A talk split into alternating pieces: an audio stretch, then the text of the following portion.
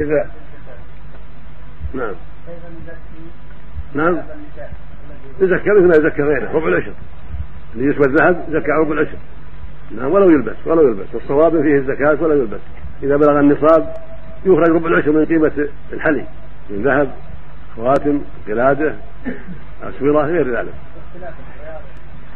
يعرف وزنه في السوق ويزكى هذا قيمته في السوق الذهب المعروف.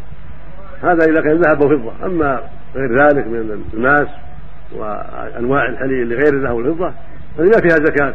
إذا كانت اللبس للبيع ولا التجارة ليس فيها زكاة. ولو غير معد للتجارة هذا الصحيح.